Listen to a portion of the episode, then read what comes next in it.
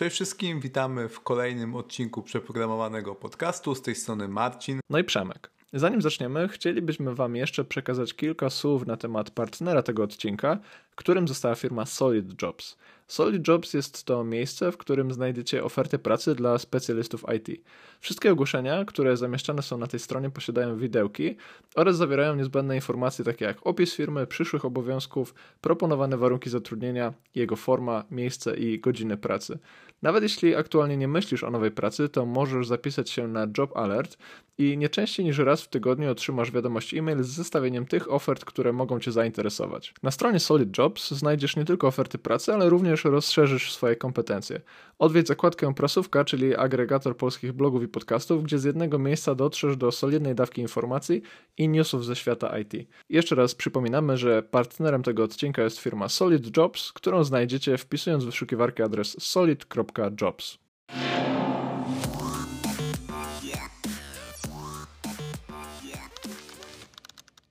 W dzisiejszym odcinku porozmawiamy o najgorętszej nowince technologicznej ze świata sztucznej inteligencji. Czy jest ona istotnym zagrożeniem dla zarobków i bezpieczeństwa zawodowego programistów? Chodzi oczywiście o chat GPT. Oprócz tego porozmawiamy również o największych przełomach ostatnich lat, jeżeli chodzi o rozwiązywanie problemów z różnych dziedzin nauki yy, oraz życia przez sztuczną inteligencję. Będzie o zwijaniu białek, będzie o sztuce generowanej przez sztuczną inteligencję, będzie również o gamingu. Rozmawiamy również o ograniczeniach sztucznej inteligencji, czyli tych zawodach i obszarach, które mogą czuć się spokojnie, które nie są przez sztuczną inteligencję w żaden sposób zagrożone. Pomyśleliśmy sobie razem z Marcinem, że chcielibyśmy poświęcić y, troszkę więcej czasu na, na właśnie ten temat, na temat sztucznej inteligencji, no bo temat jest na pewno gorący i właśnie wspomniany przez Marcina chat GPT trafił na pierwsze strony i gazet, i portali, i rozmaitych mediów. No i dzisiaj chcielibyśmy podzielić się z Wami z jednej strony właśnie takim troszkę teoretycznym rozwinięciem tych tematów, o których Marcin wspomniał, ale też chcielibyśmy powiedzieć o tym, jak my sami patrzymy na temat tej sztucznej inteligencji, no bo nie jest to coś, co dzieje się jakby obok nas. Jesteśmy w tej branży dobrych kilka lat, e, programujemy, czy tam cały czas zajmujemy się technologią w ten czy inny sposób. No i wydaje się, że stoimy e, u progu rewolucji. Pytanie, czy u progu, czy już weszliśmy e, do jakiegoś nowego pomieszczenia. Mm, Marcin, może sam chat GPT, może zacznijmy od, od kwestii mm, najprostszych i pierwszorzędnych, gdzie ty właściwie usłyszałeś o tym narzędziu, skąd w ogóle trafiłeś na takie pojęcie, czy jak zwykle wszystko zaczęło się od Twittera, czy może w jakiś inny sposób? Nie no, niestety było bardzo standardowo, jeżeli chodzi o wszelkie nowinki branżowe, no czyli, czyli Twitter gdzieś tam e, nie pozwolił mi ominąć tego newsa. E, no, internet zawrzał bardzo, bardzo szybko, jeszcze, jeszcze w dniu premiery. Tam tego, z tego co słyszałem były bite jakieś rekordy e, ilości użytkowników. No teraz, dzisiaj nawet chciałem się pobawić jeszcze przed podcastem. Przywitała mnie informacja, że, że serwis jest już na maksymalnych obrotach i, i mogę gdzieś tam zostawić swojego maila, żeby dali mi znać, kiedy, kiedy będzie dla mnie miejsce, co tylko pokazuje, jak, jak popularne jest to rozwiązanie. No więc, więc tutaj Twitter był e, niesamowicie podekscytowany, pojawiło się od grama screenów. E, pierwszy jaki zobaczyłem to, to gdzie ktoś e, zgłaszał problem z konfiguracją swojego serwisu w AWS-ie, no i ChatGPT gdzieś tam wskazywał, gdzie jest problem w uprawnieniach i dlaczego ktoś tam nie jest w stanie tej usługi uruchomić w taki sposób, w jaki by chciał. No, wszyscy byli pod niesamowitym wrażeniem. No i potem pojawiały się oczywiście kolejne gdzieś tam use cases, bardziej i mniej pragmatyczne. A jak to wyglądało u Ciebie?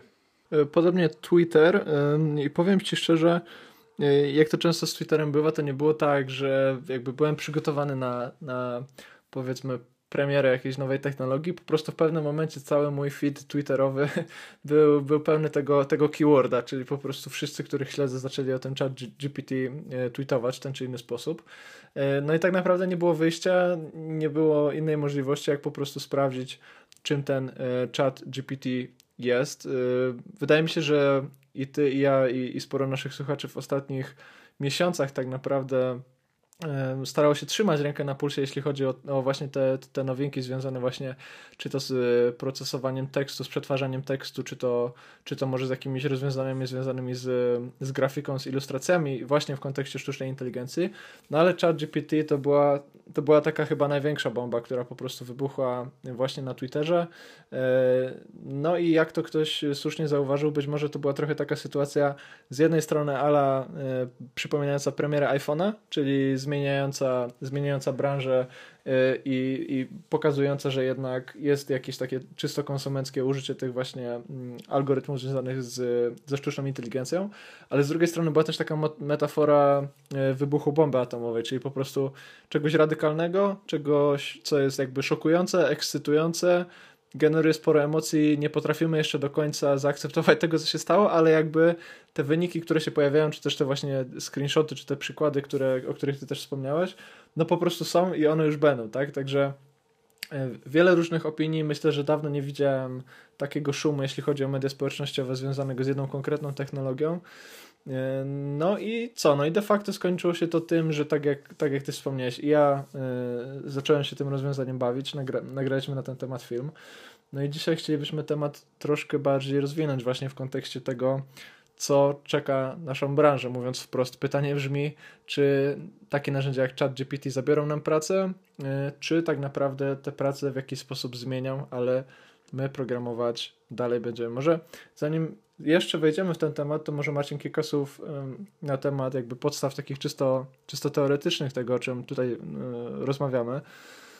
E, ja tutaj oczywiście nie będę udawał specjalisty, który zajmuje się 10 lat algorytmami sztucznej inteligencji, natomiast warto wspomnieć, że tak samo jak w przypadku chat GPT, w przypadku takich modeli jak GPT 3 rozmawiamy o tak zwanych LLM, czyli Large Language Modelach, czyli takich modelach sieci neuronowych, e, które uczone i rozwijane są na podstawie ogromnych, jakby niespotykanych wcześniej ilości danych. W przypadku GPT-3 e, to było konkretnie 175 E, o ile, o ile mm, czytam tu dobrze i tłumaczę z angielskiego na polskie miliardów parametrów, więc wyobraźcie sobie, że macie jakiś algorytm, który po prostu mm, posługuje się miliardami parametrów.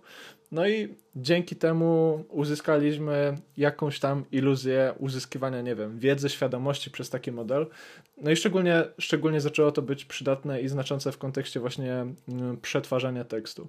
Możemy też powiedzieć, że pierwszym takim use case'em, który również rozszedł się gdzieś tam szerokim echem po branży, był GitHub Copilot. E, to, to również gdzieś tam korzystało e, z tego, co pamiętam, e, właśnie z GPT-3, więc mieliśmy taki use case stricte programistyczny, no a teraz jakby widzimy kolejną iterację, czyli, czy już bardziej zgeneralizowaną, która nie jest stricte związana z kodem, z programowaniem, no tylko gdzieś tam mamy ten potencjał wykorzystany tak multi-domenowo.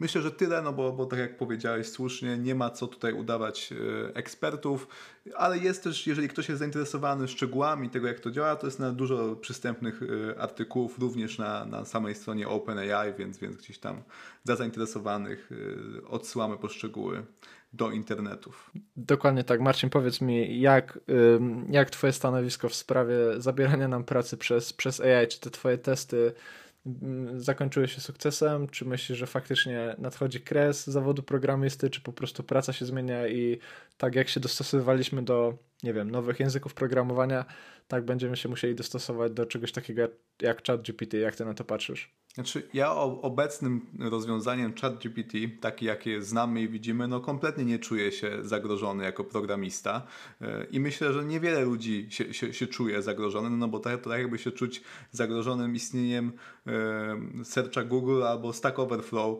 tylko, tylko no to tak i to tak bardziej, to obecne rozwiązanie przypomina wersję 2.0 tych, tych dwóch serwisów połączonych ze sobą, e, no oczywiście gdzieś tam jeszcze z, z dostępem do, do innych źródeł danych, no ale tak naprawdę no, po prostu pozwala nam na szybsze wyszukiwanie e, informacji e, na bazie tego, co jest dostępne e, w internecie. Tam gdzieś tam e, tej inteligencji nie ma cały czas, to jest, to jest tylko przetwarzanie danych, e, to, to gdzieś tam o tym często się mówi, analizując te, te wszystkie modele językowe, one, one gdzieś tam, ten, tego myślenia tam nie ma wcale albo nie ma, nie ma go w ogóle, jest po prostu przetwarzanie ilości, bardzo dużej ilości danych. Może, może powiedzmy tak Marcin, na takim najbardziej podstawowym poziomie cały problem sprowadza się do tego, żeby słowa dopasowywać względem siebie w taki sposób, żeby tworzyły one jakieś ciągi logiczne, jakieś zrozumiałe dla człowieka zdania na podstawie przetworzonych ogromnych ilości tekstu. De facto o tym rozmawiamy, tak? Rozmawiamy o tym, żeby generować tekst,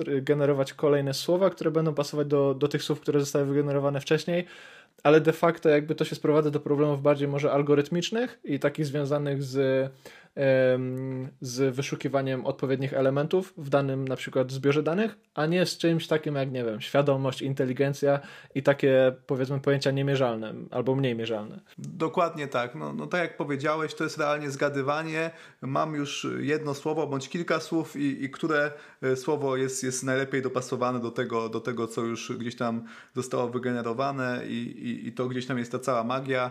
E, wystarczy tylko 185 miliardów e, inputów i, i, i mamy coś, e, coś, coś tak e, niesamowitego jak ChatGPT. Więc ja w tym widzę póki co no, niesamowitą raczej dźwignię, świetne narzędzie, które usprawnia uzyskiwanie danych z internetu, e, pomaga nam uzyskiwać odpowiedzi, ale cały czas gdzieś tam zadawanie pytań, myślenie też nad tym, co otrzymaliśmy, no jest po naszej stronie, więc tego typu narzędzie widzę raczej jako usprawnienie dla pracownika umysłowego, no przynajmniej na jakkolwiek wyższym szczeblu niż, niż na, naprawdę takie e, proste właśnie wyciąganie danych gdzieś tam z regulaminu.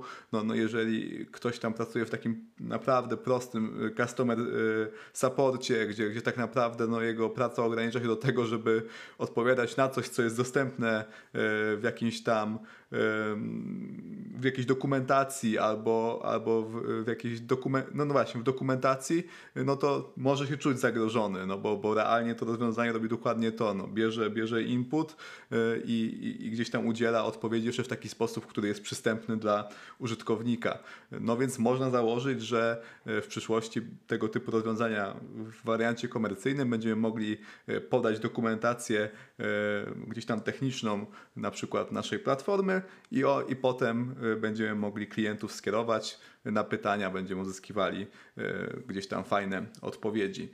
No więc gdzieś tam na tym poziomie to może być zagrożenie dla takich pracowników umysłowych niskiego szczebla, dla wyższego szczebla, takich jak inżynierowie, no to to wydaje mi się absolutnie gdzieś tam tylko dźwignią większą lub, lub mniejszą. Dla programistów wydaje mi się, że, że całkiem niezłą, no bo tak, tak jak powiedziałem, dla mnie to jest yy, Google Search 2.0, jak na to patrzę. Ja może opowiem o takim cyklu właśnie adopcji tej technologii w moim przypadku, bo przez te kilka dni właśnie miałem okazję zderzyć się i z tym szokiem, który jakby wywołał we mnie w ogóle ym, zobaczenie tej technologii, poznanie jej po raz, po raz pierwszy, poprzez pierwsze próby wykorzystania i poprzez takie pierwsze zawody, które, które miałem no nie dalej niż dosłownie wczoraj.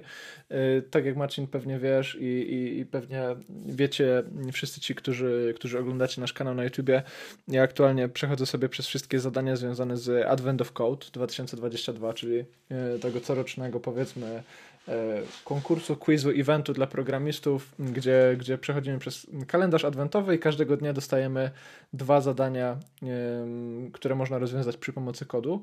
No i mm, jestem aktualnie w takim miejscu, które tak naprawdę swoim poziomem trudności e, pokonało mnie, mówiąc wprost.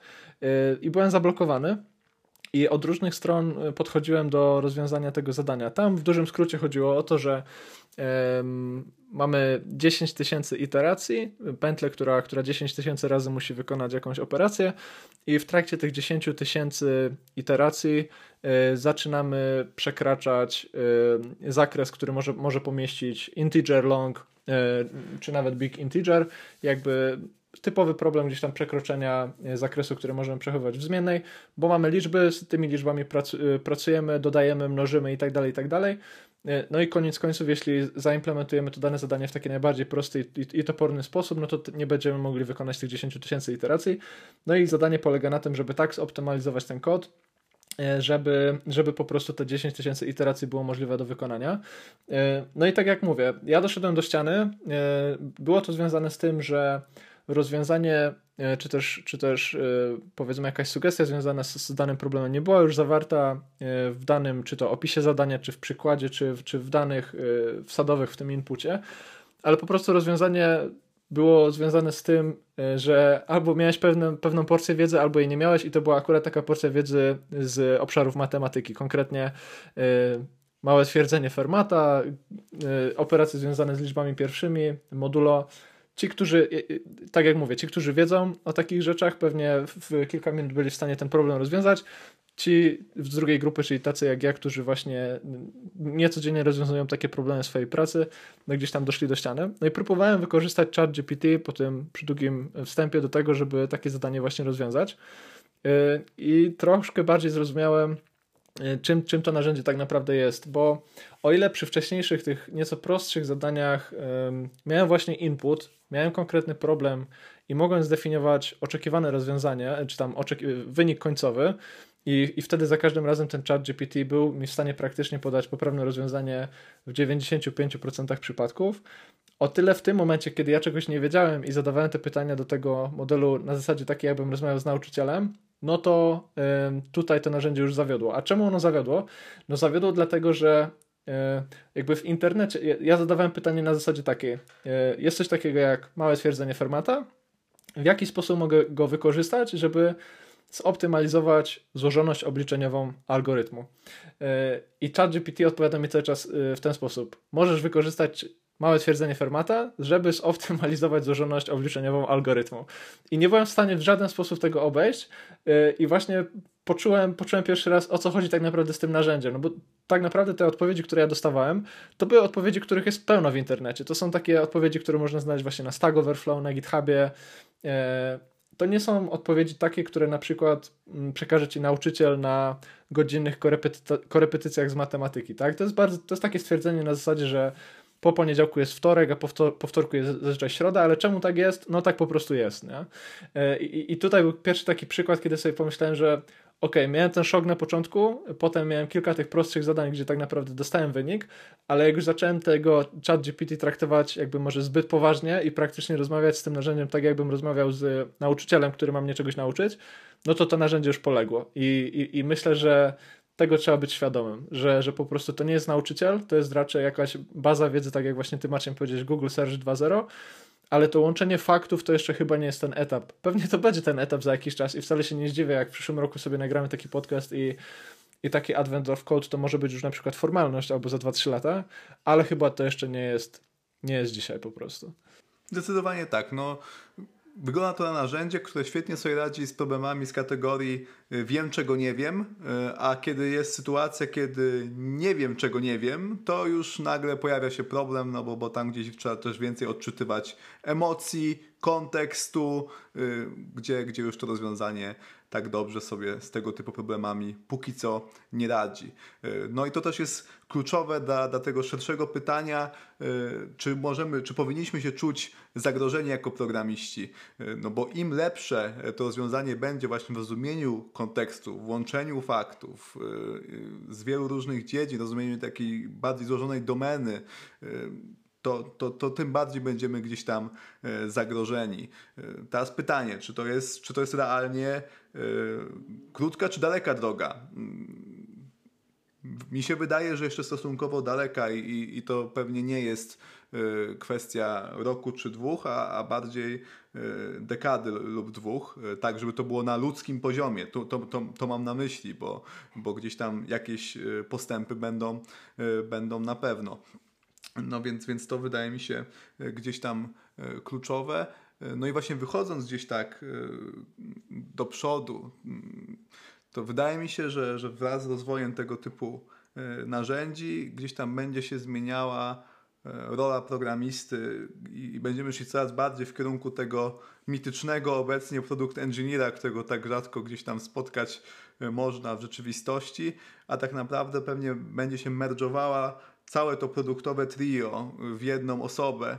E, nie będziemy mieli w trzech osobach e, oddzielnych produkt managera, designera i programisty, tylko być może będziemy mieli jakiegoś jednego tam produkt creatora, który właśnie mając w swoim, swoim toolbelcie narzędzia takie jak ChatGPT w wersji tam dziesiątej będzie mógł tworzyć samodzielnie, bądź też w małym, tam na przykład trzyosobowym zespole ludzi, którzy mają właśnie takie kompetencje, całe funkcjonalności, całe produkty, bo, bo ten jakby aspekt samego wytwarzania, czy to kodu, czy też, e, czy też designów, e, będzie właśnie zautomatyzowany, e, więc, więc ale cały czas gdzieś tam widzę, że, że ten, ten aspekt w ogóle zrozumienia, co musi być zrobione, uzyskanie tych informacji od użytkownika, potem wykonywanie eksperymentów, analiza rezultatów, to jest coś, co nie wiem, czy kiedykolwiek będzie sztuczna inteligencja w stanie zrobić, a jeżeli będzie w stanie, no to, to już naprawdę wydaje mi się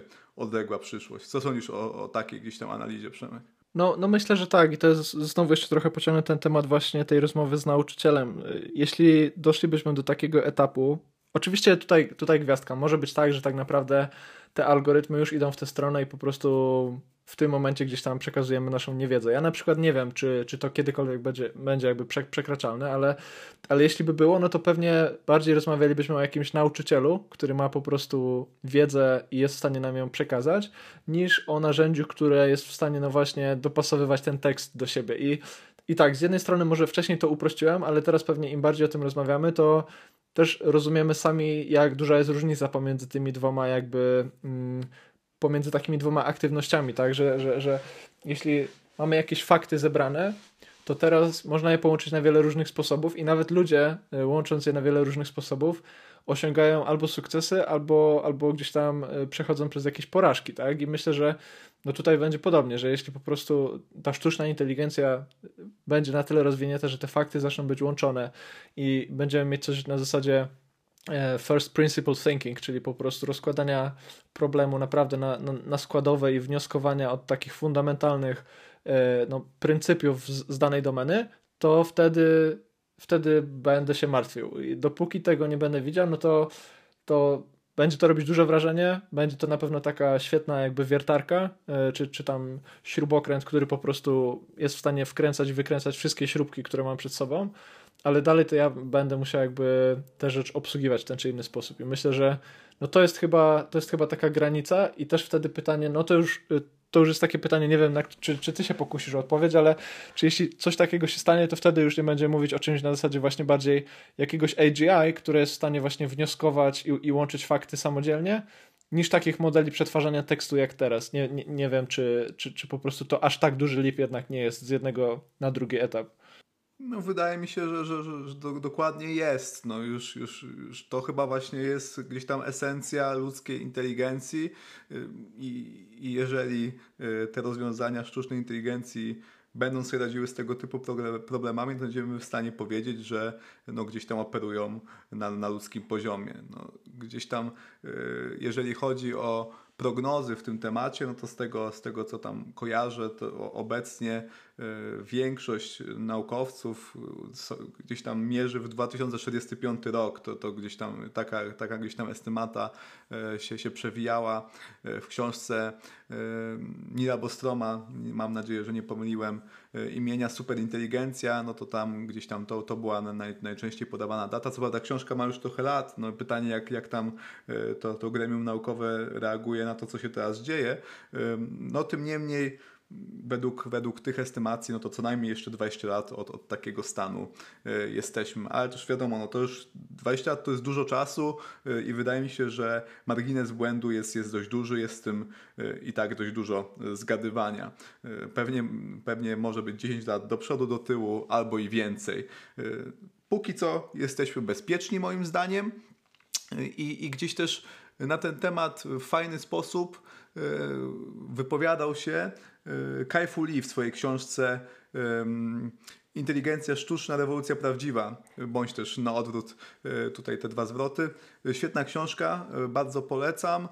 Póki co to wszystko, co, co mówił, w jaką stronę sztuczna inteligencja będzie szła, to się potwierdza i, i ChatGPT jest, jest gdzieś tam tego świetnym dowodem.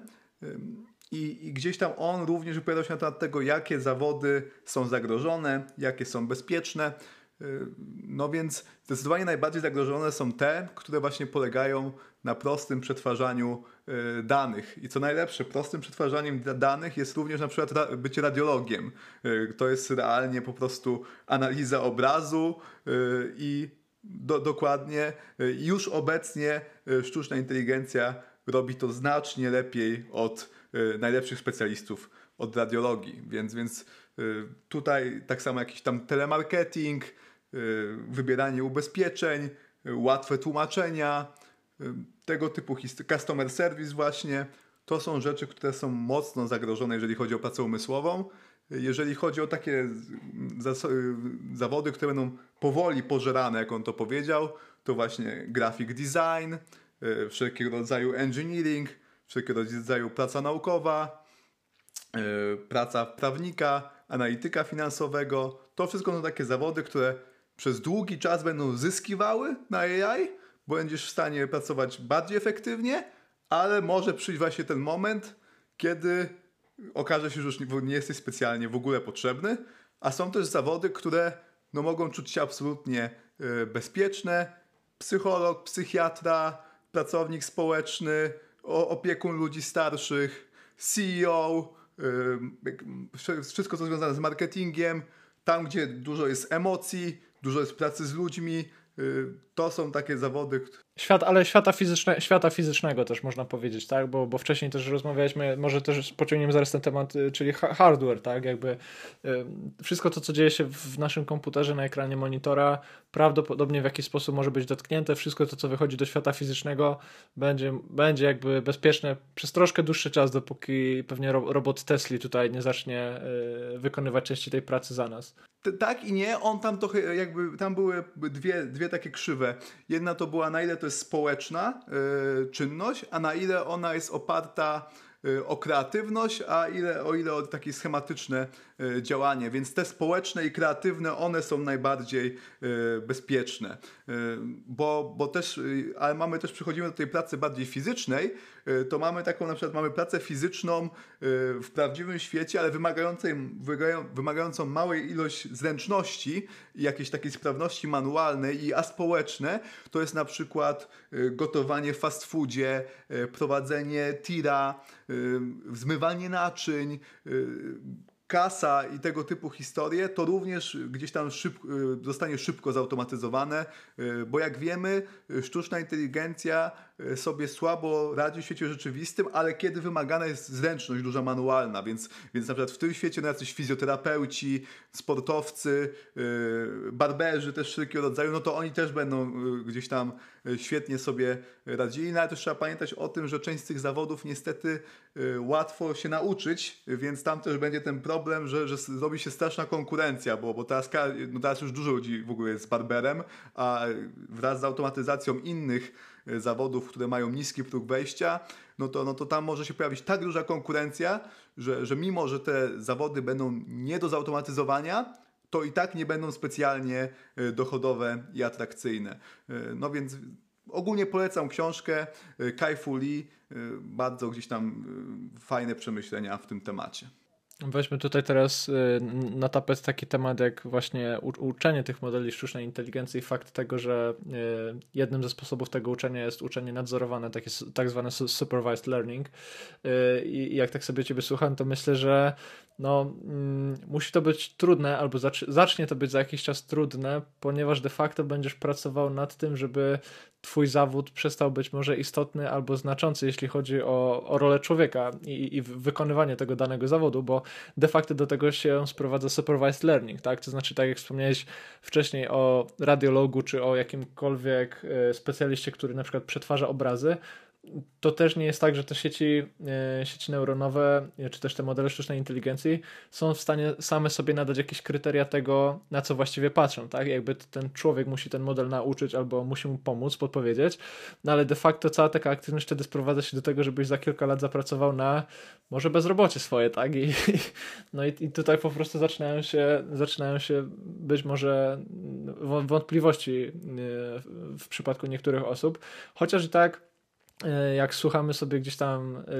liderów technicznych, czy tam osób, które gdzieś tam wpływają na to, jak wygląda nasza branża IT, szczególnie z, z Doliny Krzemowej ze Stanów Zjednoczonych, to oni tak twierdzą od jakiegoś czasu, że de facto my już i tak jesteśmy inputem do, do, do, do AI, tak? Jakby Instagram, wszystko to, co robimy w mediach społecznościowych, to jest de facto input do jakichś silników rekomendacji, do jakichś silników proponowania sobie miejsc, znajomych, wydarzeń, e, cech, osobowości, czy też po prostu, nie wiem, na przykład partnerów, z którymi chcielibyśmy spędzić resztę życia. I to już się dzieje, tylko być może nie jesteśmy tego świadomi, tak? Myślę, że sporo, sporo osób jeszcze, no myślę, że łącznie ze mną i z tobą też nie, nie ma z nas, z nas robić Bóg wie jakich tutaj yy, a, a, Alfonso Omegasów, że tak powiem. Yy, nie jest tego świadomymi, albo jeśli, jeśli są tego, tego świadomi, to jednak to nie jest tak, że ja nie mogę przez to spać, pomimo tego, że wiem, że coś takiego się dzieje i że pewnie przez, gdzieś tam te moje zdjęcia wrzucone na Instagramie są zapisywane i są e, wykorzystywane do tego, żeby te modele rekomendacji dostosowywać. No ale z biegiem czasu myślę, że ten temat będzie się pojawiał coraz częściej. To jest trochę tak jak z tematem krypto i regulacji, tak? Na początku jak zwykle e, w tym, w tym cyklu rozwoju technologii hiperoptymizm, early adopters, a dopiero regulacje zaczynają się pojawiać przy pierwszym incydencie, e, do którego dochodzi i gdzieś tam dotyka na przykład, nie wiem, pieniędzy, miejsca zamieszkania, tego jak nam się żyje, naszego zdrowia i takich rzeczy, których tak naprawdę nie chcielibyśmy oddać e, komputerowi czy też, czy też robotowi, tak? E, także myślę, że jest sporo optymizmu, jest ten supervised learning, czyli właśnie to my cały czas sprawujemy nadzór, ale wydaje mi się, że coraz więcej e, w tych wszystkich dyskusjach będzie się pojawiać takich obserwacji związanych właśnie, nie wiem, z etycznością takich aktywności, czy też po prostu z tym, jaka strategia y, może być zastosowana, żeby to jednak nie była prosta droga do bezrobocia, co ci ludzie, których zawody będą zanikać, powinni tak naprawdę robić w przyszłości. Y, no myślę, że to będzie za jakiś czas, powoli już jest, ale za jakiś czas to będzie taka nasza, nasza codzienność. Nie wiem, czy się zgodzisz. Nie, no jak najbardziej. Nawet myślę, że, że to już wcale nie jest taki odległy temat. To jest dość mocno aktualny temat w odnośnie e, tej sztuki generowanej przez AI, czyli gdzieś tam drugi taki obszar, który teraz cieszy się e, niesamowitym zainteresowaniem, boomem. E, no, pojawiły się ostatnio w sieci te, te słynne awatary generowane przez Lensa AI i inne tego typu aplikacje. Ja gdzieś tam z tego skorzystałem, dosłownie, dosłownie wczoraj wrzuciłem fotki na Instagrama, no jestem nimi zachwycony. E, naprawdę za, za 20 zł dostać e, pakiet naprawdę fajnych zdjęć, które aż gdzieś tam chcę w social media umieszczać i, i no robi to niesamowite wrażenie. Myśląc o tym, że, że miałbym to zlecić człowiekowi, no to pewnie bym zapłacił setki, jak nie tysiące za, za tego typu gdzieś tam kreację, a dostałem to za 20 zł w 20 minut. No niesamowite, no tylko gdzieś tam jest ta ciemna strona całej historii, no bo ten model, żeby on mógł tworzyć tak fajną sztukę, no to e, gdzieś tam musiał te e, dane wejściowe, tak jak powiedziałeś, e, skądś wziąć. No, został internet zeskanowany. Na ile to jest etyczne i ok wobec artystów, których, których prace zostały do tego modelu y, wykorzystane, no to, no to jest duży znak zapytania, zwłaszcza biorąc pod uwagę, że no tam jakiegoś dzielenia się zyskami, z tego co wiem, y, nie ma i pytania o zgodę, no też nie wiem, nie wiem jak tam temat jakiejś licencji został rozwiązany, jeżeli w ogóle, no, no tym niemniej pojawia się dużo głosów ze strony artystów cyfrowych, że nie są z tym ok, że im się to nie podoba. No i teraz pytanie, co dalej, nie? Czy, czy będą sprawy sądowe, E, czy, czy, czy będzie jednak jakieś tam dzielenie się zyskami, no to wydaje mi się, że to jest podobna sytuacja, e, tak jak powiedziałeś, jak z rynkiem krypto. E, I to jest gdzieś tam, no pewnie jesteśmy u bram w, przed, w przededniu takiej pierwszej afery związanej z tym, że, że jest tu firma, która zaczyna robić niesamowite pieniądze, zaczyna się cieszyć niesamowitą popularnością, a są ludzie gdzieś tam mniej lub bardziej poszkodowani. No i teraz pytanie, Pewnie to się wszystko rozwiąże na gruncie prawnym.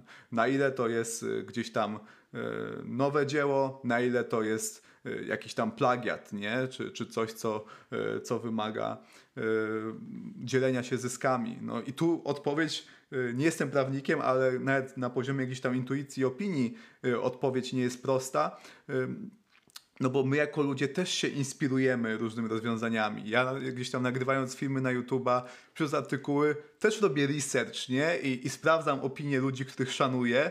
Y, potem gdzieś tam biorę, y, przepuszczam to przez, przez swój umysł, y, przez swój personal background, no i potem o czymś tam y, mówię. I, i teraz pytanie, czy, czy ja się mam z nimi dzielić y, zyskami z reklam, bądź no, no wszelkiego rodzaju profitami, bądź też w każdym filmie w opisie mówić, przeczytałem ten, ten, ten i artykuł, a w ogóle też tą i tą książkę, a, a tu z kimś o tym rozmawiałem, no bo inaczej bym tego nie był w stanie wszystkiego powiedzieć. Nie? I teraz pytanie, na ile to jest inne, tego typu inspiracja powiedzmy, y, z tym, co, co robi y, ta sztuczna inteligencja. No tutaj y, dla mnie, dla mnie granica jest, jest bardzo mglista.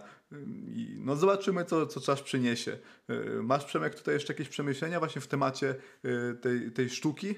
Tak, jeśli chodzi o te licencje, no to po pierwsze, no to jest bardzo podobna sytuacja do tego, co było podnoszone w mediach, jeśli chodzi o Copilota GitHubowego, bo de facto GitHub nauczył się podpowiadania y, fragmentów kodu dokładnie w ten sam sposób, to znaczy tam były skanowane ogromne ilości kodu, y, Microsoft, Microsoft wraz z GitHubem po prostu mieli do tego dostęp.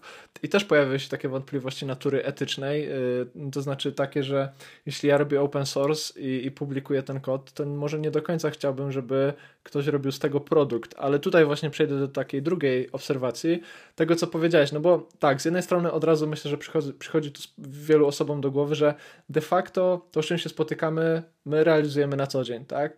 E, uczymy się, czerpiemy inspiracje, podpatrujemy. Mówi się, że w sztuce tak naprawdę bardzo często kradniemy, lekko korygując jakiś kawałek sztuki, podpisujemy to swoim nazwiskiem, bo tym de facto jest sztuka. Tyle, że myślę, że tutaj główna różnica polega na tym, że ta bariera stworzenia produktu z tej naszej wiedzy no zaczyna być bliska teraz z zeru tak naprawdę i została obniżona po prostu w ogromny sposób. I, i, i, i też, y, też gdzieś tam jest, jest coś takiego podnoszone na Twitterze, że takie narzędzia jak prawdopodobnie, prawdopodobnie jak ChatGPT też za jakiś czas będą po prostu wymagały subskrypcji albo jakiejś opłaty. Natomiast taka lenza, z której ty korzystasz, ja korzystam, moja Ania korzysta i pewnie, pewnie wielu ludzi już skorzystało, bo to jest mega popularna aplikacja. Chyba to było w ogóle top 1 w App Store w ostatnich dniach, jeśli chodzi o taki, taki boom i, i przyrost y, użytkowników. Już teraz wymaga opłat po prostu za to wszystko, tak? Czyli to nie są jakieś debaty teoretyczne i, i coś, co się stanie za kilka miesięcy, za kilka może lat tylko to jest pierwsza rzecz, która przychodzi biznesmenom i, i ludziom, którzy po prostu robią kasę do głowy, tak? To znaczy mamy jakiś model, on jest dostępny za darmo. Często te modele są dostępne w takiej formie może open source. Yy, możemy zrobić jakąś nadbudówkę, możemy dodać jakąś autoryzację i mamy produkt, mamy swoją aplikację. No i tutaj zaczynamy, zaczynamy tak naprawdę stąpać po, po takim gruncie grząskim. No tylko, że pytanie, czy jest jakaś droga w innym kierunku? Czy to nie jest po prostu jedyne, co się może tak naprawdę z tym wszystkim wydarzyć? Bo de facto, jeśli mówimy właśnie o inteligencji, o ludziach, którzy gdzieś tam posiedli jakąś wiedzę, no to oni de facto robili to samo. No więc skoro my chcemy z tych maszyn i z AI zrobić coś na wzór ludzi, no to być może po prostu musimy jakiś ten koszt ponieść, tak? I teraz właśnie, no będzie sporo, sporo dyskusji na ten temat, czy ten koszt wszyscy musimy podnie, ponieść, tak? Czy to, że coś publikujesz w internecie automatycznie jakby, wiesz, podpisujesz yy, i godzisz się na to, taka niejawna polityka prywatności, no czy nie, no bo myślę, że wiele osób nie będzie zadowolonych z czegoś takiego. Aczkolwiek powiem Ci szczerze, że myślałem, że jak przejdziemy do tego tematu, to, to nasz to nasz taki slider jakby techno-optymizmu przesuniemy trochę w prawo, tak? Bo jednak no jest to coś fajnego, jest to, jest, jest to coś, co naprawdę robi wrażenie. Patrzymy na te awatary, patrzymy na te ilustracje, myślimy sobie, że to nie wymaga, wiesz, pracy agencji kreatywnej i, i tam setek tysięcy złotych, żeby jakiś projekt zrealizować. Więc myślałem, że trochę wejdziemy na tony pozytywne, ale to chyba też pokazać, jakby wydaje mi się, że to, co chcemy przekazać, to jest to, że trzeba się zastanowić, co dalej, jakby, tak, że jakby to działa, fajnie i co dalej. I myślę, że o to, o to chyba nam przede wszystkim chodzi, no nie? W, w, tej, w tej rozmowie. Zgadza się, no, czy dla mnie to absolutnie jest coś, coś fajnego. No, ja tam nie przez przypadek te awatary opublikowałem, one mi się naprawdę podobają. Y, chciałbym gdzieś tam, żeby, żebyśmy się znaleźli w świecie, w którym E, ludzie, którzy zapewnili te, te inputy, byli właściwie wynagrodzeni. No teraz pytanie, czy to w ogóle jest, jest możliwe długoterminowo, no bo teraz wiadomo, najbardziej wybitni artyści pewnie nie muszą się tym specjalnie przejmować, pracują na przykład w Riot Games, w Blizzardzie robią ilustracje do gier, zarabiają spoko kasę i gdzieś tam tworzą trendy. I, i to, że na podstawie ich prac powstaną fajne awatary, no to niespecjalnie ma wpływ na ich życie, ale dla ludzi, którzy nie mają takiego doświadczenia, no to może się okazać, że, że dla junior digital artista nie ma już miejsca, bo so model sztucznej inteligencji, który można w nieskończoność skalować i jeszcze niższym kosztem e, gdzieś tam napędzać, e, zrobi lepszą robotę, nie? No więc, więc się może okazać tak, że, że gdzieś tam e, to mamy właśnie ostatnie pokolenie digital artistów, no bo, bo już po prostu kolejnego nie będzie z przyczyn ekonomicznych. Z drugiej strony, no ja gdzieś uważam i gdzieś tam nie uważam, tylko z własnych obserwacji widzę, że technologia raczej się nie zatrzymuje. Jeżeli już coś powstało, y, to gdzieś tam powiedzenie nie, tego nie robimy, y, nie działa, nie? Gdyby działało, to byśmy powiedzieli nie dla bomby atomowej. Y, niestety się, się nie udało, nie? Gdzieś tam wiemy już jak to zrobić i teraz wszystkie państwa, które mają ku temu zasoby, te bomby atomowe wytwarzają, mimo że gdzieś tam koszt rozwoju i utrzymywania tej technologii no jest najwyższy z możliwych. Y, no więc myślę, że taki sam będzie niestety y, los tych, tej, tej sztuki cyfrowej.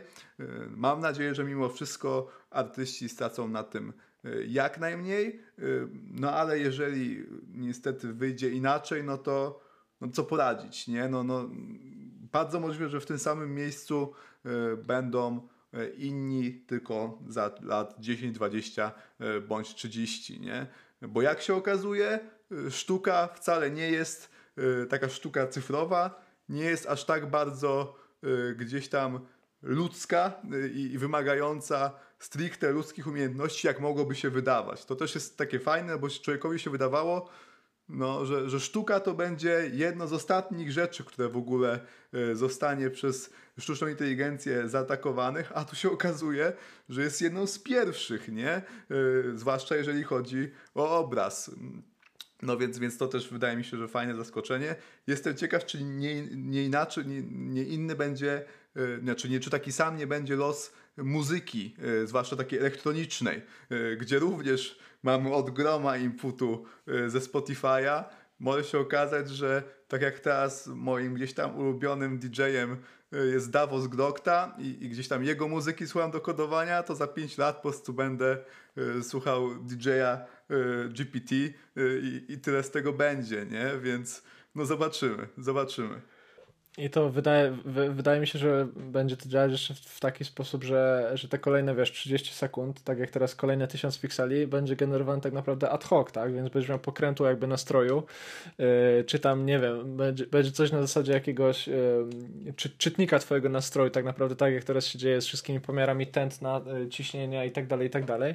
I ta muzyka będzie się dostosowywać, tak? I myślę, że myślę, że no te, te przypadki użycia jeszcze nas po prostu wielokrotnie zaskoczą, bo w zasadzie, tak jak sobie rozmawiamy, no to zgodzimy się, że brzmi to mega przystępnie, bardzo przystępnie. Jest to, jest to tak naprawdę chyba kwestia czasu, tak jakby pewnie byśmy tego dzisiaj ani jutro nie napisali, ale jakbyśmy się spieli to w przeciągu miesiąca a po trzech miesięcy byśmy doszli do jakiegoś takiego proof of concept, czegoś takiego, a to już oznacza, że tak naprawdę jak ktoś, ktoś naprawdę na tym zna, no to po prostu zrobi z tego biznes, tak, więc, więc, więc no ta muzyka to jest też ciekawy przypadek i no i kurczę, no myślę sobie, że ciekawe czasy, nie, ja powiem Ci, jak sobie przypominam, jak, jak, jak o tym wszystkim mówię, jak przypominam sobie swoje czasy gdzie pracowałem właśnie z ilustracjami samochodu, z virtual tuningiem, e, to tak naprawdę wtedy już czułem, że w pewnym sensie, no może nie chcę powiedzieć, że jakby oszukuję ludzi, ale że jakby ludzie postrzegali to, co ja robię i to, co robią inni, za może bardziej kreatywne, niż ja wiedziałem, że to tak naprawdę jest, bo de facto te, te, te, te przyrosty tego mojego skilla, one były wiesz, minimalne, tak? Jakby 5%, 3%, 2%. No ale okej, okay, robiłem jakąś nową pracę, dokładałem coś nowego od siebie i, i, i fora gdzieś tam może płonęły. Jeśli nie ja, to po prostu moi znajomi, którzy się tym wtedy zajmowali. No ale wtedy człowiek jakoś tego tak, tak nie łączył tak naprawdę. No ale, ale de facto dzisiaj widzimy, że jakby no kurtyna opada, tak? I, i cała ta kreatywność jest de facto trochę algorytmu, yy, duży, duży zbiór danych, yy, umiejętności łączenia, wiesz, pikseli ze sobą i koniec, nie? I, i, i problem kreatywności rozwiązany, tak? Także... No to, to, to, to jest ciekawe, no bo y, nas gdzieś tam bardzo to pociąga jako ludzi na poziomie emocjonalnym. No widzimy sztukę, widzimy piękno, ale gdzieś tam sam proces, no, no jak się okazuje, nie jest aż tak bardzo y, kreatywny, jak mogłoby się y, wydawać. Myślę, że możemy teraz gdzieś tam fajnie przejść, bo, bo mamy jeszcze dwa obszary, o których chcielibyśmy e, powiedzieć, e, w których również sztuczna inteligencja mocno miesza. Ja myślę, że, że pogadajmy o gamingu, bo, bo tam gdzieś tam e, ta, ta sztuczna inteligencja miesza już od lat, ale wcześniej e, w, w tego typu grach, które, w których się spodziewaliśmy, że będzie mieszać, no bo e, to, to były takie gry, które e, gdzieś tam, w które można grać w sposób optymalny z punktu widzenia teorii gier. Mam tu na myśli e, warcaby, szachy, no i gdzieś tam wisienkę na torcie, czyli to słynne Go. Te wszystkie gry łączy w sobie to, że, że gracz ma pełną informację na temat tego, jaka jest plansza, jaki jest obecny stan gry, jakie są dozwolone ruchy. No tylko w każdej z tych gier, w warcapach, szachach i go wzrasta ilość możliwych y, gdzieś tam ruchów, które są dostępne, możliwych kombinacji, jak to wszystko może się y, potoczyć. No więc realnie tylko po prostu potrzebowaliśmy coraz większej mocy obliczeniowej i, i coraz lepszych algorytmów, bardziej zoptymalizowanych, żeby te gry tak naprawdę rozwiązywać, bo, bo one po prostu są do rozwiązania. No i gdzieś tam y, w szachach, czyli najbardziej popularnej z tej, z tej trójki, sztuczna inteligencja obecnie jest na poziomie no, nadludzkim. Najlepsi gracze, no Magnus Carlsen, to jest gdzieś tam Elo na poziomie 2800-2900. Elo to jest system e, punktów rankingowych e, oceniany w stosunku do innych graczy, który no, mówi nam, e, gdzieś tam daje, przekazuje nam dość jasną informację na temat tego, jaka jest właśnie, jaki, jaki jest poziom danego gracza w stosunku do innych. Jeżeli mamy gracza z wyższym elo, to im większa jest ta różnica, to tym większa jest szansa, że on z nami wygra. Y, I gdzieś tam ja w dużo grałem w League of Legends, które również ma dokładnie ten sam system elo, y, który jest w szachach no to mogę powiedzieć, że jeżeli ta różnica w elo wynosi 100 albo no 200, to już praktycznie zawsze ten gracz z wyższym elo wygrywa. Jeżeli to jest różnica na poziomie 500, to, to, to jest y, dominacja, to jest miażdżenie po prostu. Na poziomie tysiąca to, to już to, ta druga osoba po prostu je śniadanie, a, a przeciwnik gdzieś tam umiera w mękach. To, to jest mniej więcej taka różnica. No i teraz y, mamy najlepszego gracza dwa, y, w szachy, Magnus Carlsen, gdzieś tam chyba 2900 elo w najlepszym momencie, teraz, teraz i mniej, podczas gdy e, najlepsze silniki sztucznej inteligencji mają ELO 5200, e, więc prawie dwa razy tyle. No, więc no po prostu Magnus Carlsen nigdy nawet nie wygra jednego meczu ze sztuczną inteligencją na pełnych obrotach. No i to jest gdzieś tam, wydaje mi się, niesamowite, ale co ciekawe, to też pokazuje, że to nie jest aż taki duży problem, bo ludzie cały czas w szachy grają i, i ta gra przeżywa tak naprawdę renesans i największą popularność w historii i, i to, że te y, sztuczna inteligencja tą grę już rozwiązała, zdominowała, w ogóle nie ma wpływ na to, jak my ludzie się y, bawimy, bo ona po prostu jest dla nas właśnie pomocnikiem. Możemy się od tej sztucznej inteligencji uczyć y, części ruchów, części niestety nie bardzo, bo, bo ona przez to, że jest w stanie tak daleko wyjść w przyszłość, to, to y, robi bardzo ciekawe poświęcenia, których człowiek by nigdy nie zrobił, bo nie jest w stanie y, gdzieś tam w tak sposób obliczyć Y, przewagi policy, y, pozycyjnej, a tylko wtedy to ma sens, że możemy zrobić coś szalonego, żeby uzyskać w szachach y, przewagę pozycyjną, która gdzieś tam za 5-10 ruchów nam da decydującą przewagę. Człowiek nie jest w stanie tego robić, no więc nie jesteśmy w stanie kopiować tego, co robi sztuczna inteligencja, ale jesteśmy na pewno w stanie używać jej do oceniania naszych ruchów i tak dalej, i tak dalej. Ty z tego co wiem, Przemek, też ostatnio słuchałeś trochę Lexa Friedmana i tych wszystkich odcinków z szachistami. Masz jakieś przemyślenia na ten temat? Tak, no mnie najbardziej zaintrygowała właśnie mm, ta obserwacja związana z tym, że szachiści zaczynają się uczyć od sztucznej inteligencji tych ruchów nieoczywistych. Yy, i, I to jest coś takiego, co naprawdę zapaliło mi taką lampkę w głowie, bo mm, ja żadnym ekspertem w szachach nie jestem, no ale jakby cały ten proces uczenia mogę sobie wyobrazić. Z tego, co na przykład właśnie Magnus Carlsen opowiadał, w dużej mierze sprowadza się on do tego, że znasz historię gier, znasz historię słynnych pojedynków, znasz historię pozycji y, figur szachowych y, y, i wiesz, co się dzieje w poszczególnych etapach rozgrywki. I mniej więcej też jak grasz z osobami właśnie na swoim poziomie albo z lepszymi od ciebie, albo ze słabszymi od ciebie, to mniej więcej ci, ci najlepsi gracze wypracowują już taką intuicję na zasadzie wiem, że zrobiłeś coś głupiego, wiem, że w tym momencie zaczynasz przegrywać, wiem, że ta twoja decyzja to jest coś, co się obróciło przeciwko tobie i też zyskujesz taką pewność siebie na zasadzie dobra, popełniłeś ten błąd, prawdopodobnie tutaj ta moja pozycja już jest bezpieczna. Z tego, co właśnie Magnus Carlsen opowiada, zaczyna się obserwować coraz więcej E, rozgrywek, w których gracze robią ruchy jakby pozornie głupie, ale prowadzące do pozytywnych rozwiązań. I to jest właśnie związane z tym, że właśnie jakby cała ta społeczność szachowa zaczyna się uczyć od silników e, sztucznej inteligencji, od tych silników szachowych, i tak naprawdę powtarza te ruchy na zasadzie tego, na zasadzie trochę takiej, może nie wiary, ale tego, że po prostu jeśli weźmiemy input yy, i ten nieoczywisty ruch, to on się zmapuje na jakiś output na zasadzie wygrana rozgrywka. Właśnie Magnus Carlsen o tym opowiadał o, o, u Alexa Friedmana, że widzi się ruchy, które kiedyś można byłoby wyśmiać, yy, gdzieś tam poniżyć przeciwnika i tak dalej, a teraz jakby to się zupełnie już wytraca, no bo sztuczna inteligencja trochę y, spowodowała, że ci gracze spokornieli. Na takiej zasadzie, że wydawało nam się, że wiemy, jak się gra w szachy. Y, uczyliśmy się tego z dziada, pradziada tak naprawdę, ale teraz się okazuje, że głupi ruch już nie do końca jest głupi tylko dlatego, że zrobiła to maszyna i ta, ta maszyna wie, wie tak naprawdę, co się może stać. I to jest chyba taka obserwacja, która mi najbardziej zapadła, y, zapadła w głowie. No i też, też, to, mm, też myślę, że to, co ty powiedziałeś, właśnie o różnych rodzajach rozgrywek, to też warto wspomnieć, że to nie jest tak, że jakby każda gra, którą jakby tutaj teraz postawimy przed takim silnikiem, przed, przed takim modelem sztucznej inteligencji, będzie możliwa do jakby do rozbrojenia, tak? Tam jest sporo takich kwestii związanych z tym, czy właśnie ruchy są przewidywalne, czy wiemy, co, co druga osoba może zrobić, czy jakby e, w pewnym momencie tak naprawdę właśnie opada kurtyna i wszyscy pokazują te swoje ruchy, tak, na, tak jak w niektórych grach. Jest tam sporo takich, e, sporo takich zagwostek. Pewnie to, ty tutaj powiesz więcej, bo, bo ten temat wiem, że cię kręci, także, także też przekażę ci ten mikrofon teraz. No właśnie, bo mamy kolejną grę, taką Pierwsze zatrzymamy się na tych grach takich typowo aspołecznych, gdzie mamy dwójkę graczy grających przeciwko sobie. E, tu mieliśmy te, te gry e, właśnie planszowe, e, gdzie mamy komplet informacji, mamy możliwość dość dobrego, znaczy dość dobrego, pełnego kalkulowania tego, co się może wydarzyć na podstawie każdego ruchu, no ale gdzieś tam takim cięższym problemem, który, ostatnim, który został rozwiązany, bo w 2019 roku, jest gra StarCraft 2. To jest gra strategiczna, Y, która no, gdzieś tam rozpoczęła tak naprawdę y, esport, jaki znamy obecnie. Y, pierwsze duże nagrody, pierwsze wielkie zawody w Korei to właśnie był StarCraft 2. Kto, kto widział, jak, jak wyglądają zawodowe rozgrywki, to, to wie, jaki to jest hardcore.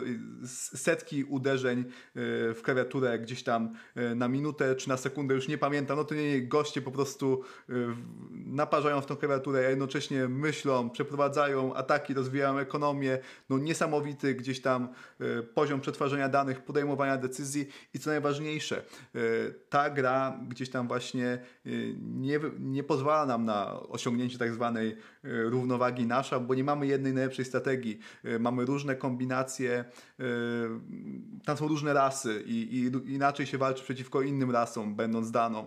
Są różne mapy i też przede wszystkim nie widzimy całej mapy, nie widzimy, co nasz przeciwnik robi w danej chwili, jeżeli nie mamy swoich jednostek koło niego, jest tam mgła wojny, więc mamy ograniczoną ilość informacji, y, mamy, wszystko się dzieje w czasie rzeczywistym, nie ma żadnej turowości tam, y, to, to jakby jeden gracz i drugi wykonują ruchy w tym samym czasie. Y, mamy też planowanie takie mocno długoterminowe, możemy gdzieś tam, to, to co robimy teraz ma istotny wpływ na to, co będziemy mogli zrobić za 15 minut. I, i mamy wielką mapę, to, to nie jest coś, co jesteśmy w stanie gdzieś tam łatwo zmapować za pomocą jakiegoś modelu sztucznej inteligencji, powiedzieć, a ja to się ruszę w ten kwadracik i, i wtedy będzie super, nie? No, wielka mapa po prostu i, i wreszcie w 2019 roku, y, te, to jest, jak zawsze mamy te alfa, alfa foldy, alfa, alfa go, to teraz był alfa star, który również gdzieś tam zmiótł zawodowych graczy z powierzchni ziemi y, i, i również y, już może gdzieś tam nosić koronę najlepszego gracza StarCraft. No więc to był jakiś no, niesamowity przełom ale co, co jest, co jest no, tam ciekawe, no bo okej, okay, cały czas e, to jest gdzieś tam sfera tych e, gier aspołecznych 2 na 2 To się wydaje trudne, mniej lub bardziej trudne, ale cały czas no takie, no pewnie, no jasne, no czemu komputer miał sobie z tym nie poradzić, tylko kwestia y, ile tych obliczeń, ile zasobów jest potrzebne, ale, ale da się, nie?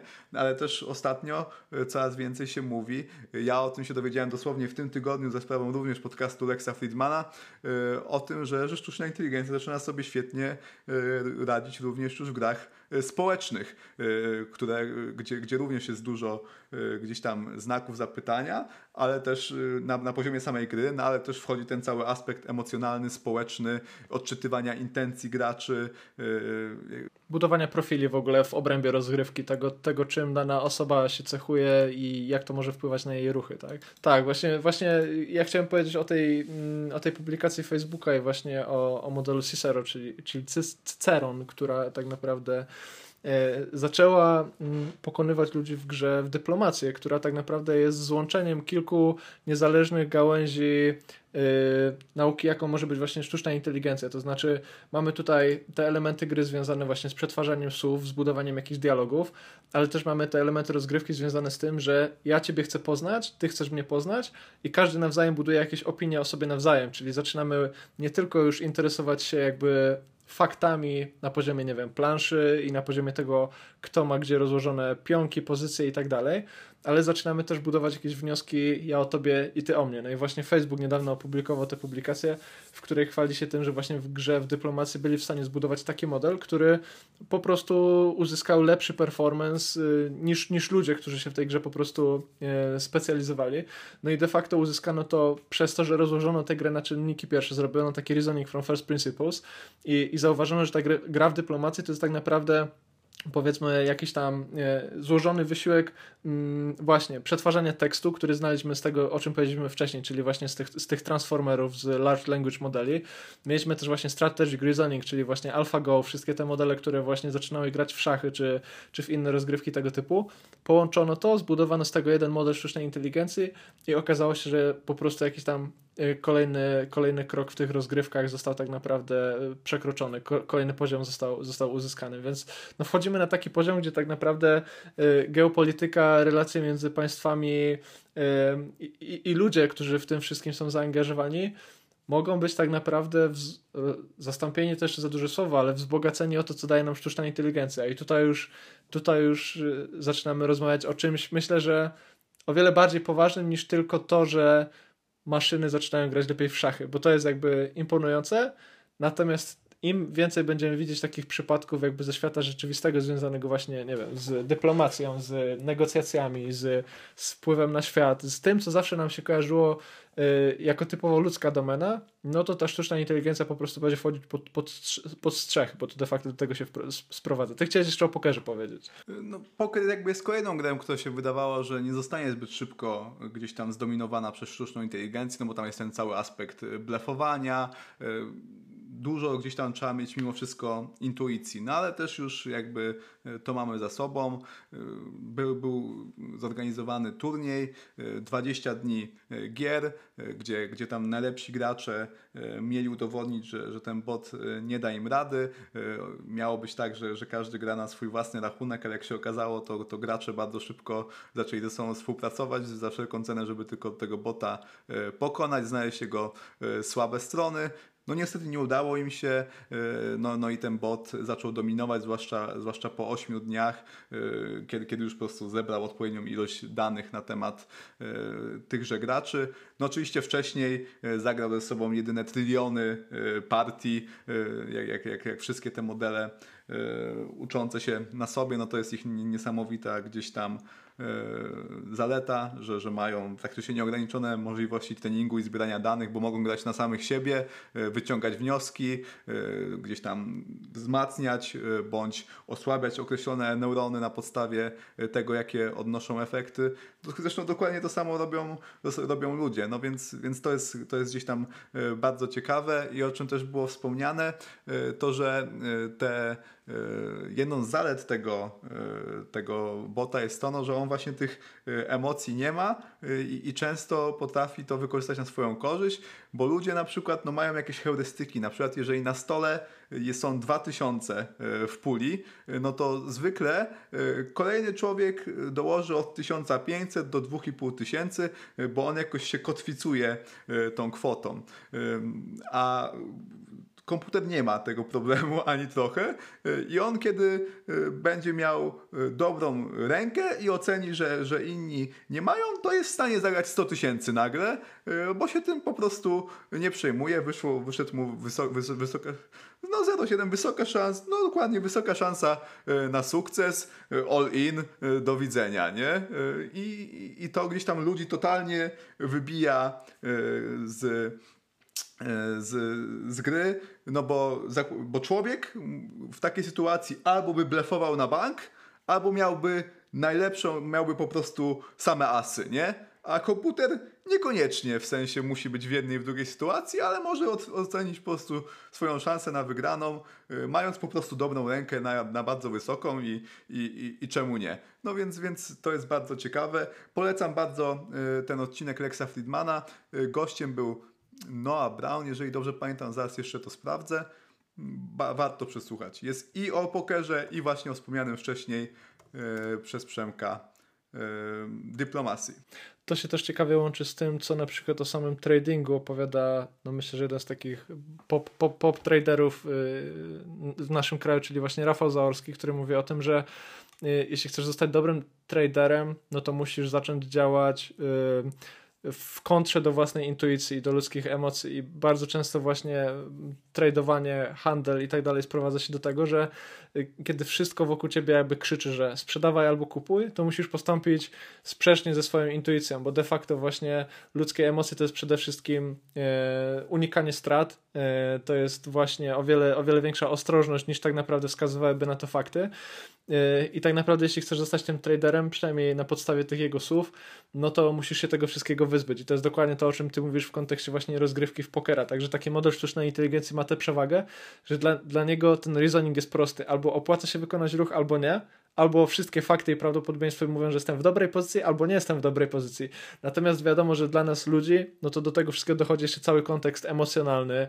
Yy, zaczynamy myśleć, nie wiem, o bliskich, o rodzinie, mamy kasę na koncie, czy mamy dość oszczędności, czy mało dużo, czy mamy poduszkę bezpieczeństwa, yy, czy, czy wrócę do domu i, i nie wiem, będę spokojnie spał, przegrywając daną, daną sumę pieniędzy. To są wszystkie takie kwestie, których ten, ten model w sobie nie ma. No i właśnie tutaj jest ta jedna z, z tych dźwigni i, i, i ta korzyść, która, która przekłada się po prostu na wyniki. No bo my, wiadomo, no, działamy pod wpływem emocji, jakby ewolucja i, i życie w jaskini gdzieś tam to, to, to w nas po prostu zakorzeniło i choćbyśmy stawali na głowie, no to ten flight or, fight or flight i wiele innych takich zachowań po prostu w nas będą jeszcze, jeszcze długo, tak? I możemy sobie mówić, że, że tego nie ma, ale, ale po prostu biologia działa inaczej. W przypadku AI no to po prostu y, z tym, z tym wszystkim się nie musimy zmagać. I tutaj jeszcze wrócę do tej, do tej dyplomacji, bo, bo to, też, to też mm, pokazuje coś, co jest jednocześnie właśnie śmieszno, straszne i takie y, niepokojące, ekscytujące, że tak naprawdę ten nasz organizm, to jak my działamy, będzie w dużej mierze można przedstawić za pomocą algorytmu za jakiś czas. I, i, I tak jak się nam wydawało, że na przykład, nie wiem, zbudowanie robota, który zastąpi człowieka i tak dalej, no jest gdzieś tam w sferze baśni yy, po prostu i jakichś legend, no to tak naprawdę jesteśmy coraz bliżej tego wszystkiego, bo właśnie w dyplomacji, w tym, w tym, w tym paperze, który opublikował Facebook, oni tam pokazują, że de facto to, co trzeba zrobić, żeby grać w takie, w takie gry, to jest rozłożyć taką aktywność na składowe, wyspecjalizować się w tych składowych typu właśnie przetwarzanie tekstu, dialogi, budowanie y, modeli osobowości, y, zapamiętywanie też takiego stanu i ruchów, uczenie się tego, jak ja i ty decydujemy y, na przestrzeni rozgrywek, złożenie tego do kupy i tak naprawdę wygranie, tak? Czy tak naprawdę jakby wskakiwanie na kolejne poziomy. I myślę, że to jest znowu taka rzecz, która z jednej strony jest łatwa do zaakceptowania, bo de facto w programowaniu robimy to cały czas, rozkładamy problemy na czynniki pierwsze, ale jak takie samo podejście chcemy zastosować do ludzi, no to pojawiają się takie wątpliwości, które też będą znikać, no bo tak jak ty powiedziałeś, no ta, ta technologia po prostu wyprzedza to nasze rozumienie świata bardzo często i, i, i, nie, ma, nie ma często od tego od, odwrotu i człowiek jeszcze w swojej naturze ma, ma gdzieś tam dążenie do, do rozwoju, do zmiany, do tego podważania statusu quo, i po prostu no nie może być zbyt komfortowo, tak jakby no nic, natura nie znosi próżni, tak jak się, jak, jak się to mówi, widać, że, że tak jak, nie wiem, miał być koniec historii 2-3 lata temu, tak naprawdę ta historia ruszyła na całego i tak samo chyba to wszystko będzie wyglądać właśnie w świecie technologii.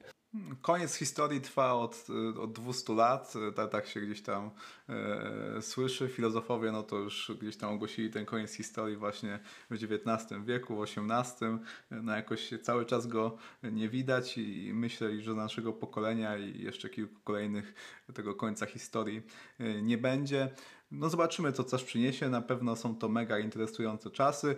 E, póki co Wydaje mi się, że jako, jako ludzkość nie mamy powodów do obaw, nie ma też co dramatyzować. Też jako ludzie, no właśnie niestety mamy taką tendencję, że raczej widzimy tą przyszłość często w ciemnych barwach, bardziej, bardziej się obawiamy, a, a co właśnie jak ten komfort zostanie mi odebrany, Póki co, moim zdaniem, powinniśmy gdzieś tam za sprawą tych wszystkich e, usprawnień, e, innowacji sztucznej inteligencji e, zakładać, że no, dostajemy kolejne narzędzia, robimy wielkie postępy w różnych sferach nauki i życia i, i, tylko powinniśmy po prostu się, się z tego cieszyć. E, myślę, myślę, że zarówno gdzieś tam nasze zdrowie i komfort życia na tym, na tym zyska. Kto, kto sądzi inaczej, no to odsyłam również do książki Stevena Pinkera. Tam na danych jest to pokazane, że, no, że, że ten standard życia na świecie się podnosi z roku na rok, mimo że nam się wydaje, że świat się cały czas e, wali albo jest na skraju e, tego upadku. E, póki co takich trendów wcale nie ma, mimo że media przekazują nam inny przekaz, ale to tylko za sprawą tego, że gdzieś w latach 70. po prostu zauważono, że, że to przykuwa większą uwagę, więcej gałych ocznych i są lepsze dochody ze, z, reklam, bo, bo niestety są wykorzystywane przeciwko nam nasze bajasy i, i tego typu słabości. Ja gdzieś tam nie mogę się doczekać chat GPT 2, 3 czy 5 i 10 tego jeszcze nie wiem. Zobaczymy, czy będę miał pracę. Wtedy pewnie będzie miało to dość duży wpływ na mój osąd. Myślę, że tym optymistycznym akcentem zakończymy dzisiejszy E, podcast. Dzięki Ci Przemek za interesującą dyskusję. No i zapraszamy do subskrypcji naszego podcastu na Spotify, na innych platformach podcast, podcastowych i również zapraszamy na nasz przeprogramowany newsletter przeprogramowani.pl łamane na newsletter. Co piątek rano e, tam dzielimy się e, z Wami z nowinkami z branży, również tymi związanymi ze sztuczną inteligencją, ale nie tylko. Dzięki raz jeszcze, do usłyszenia kolejnym razem. Pozdrawiam. Marcin Siarkowski.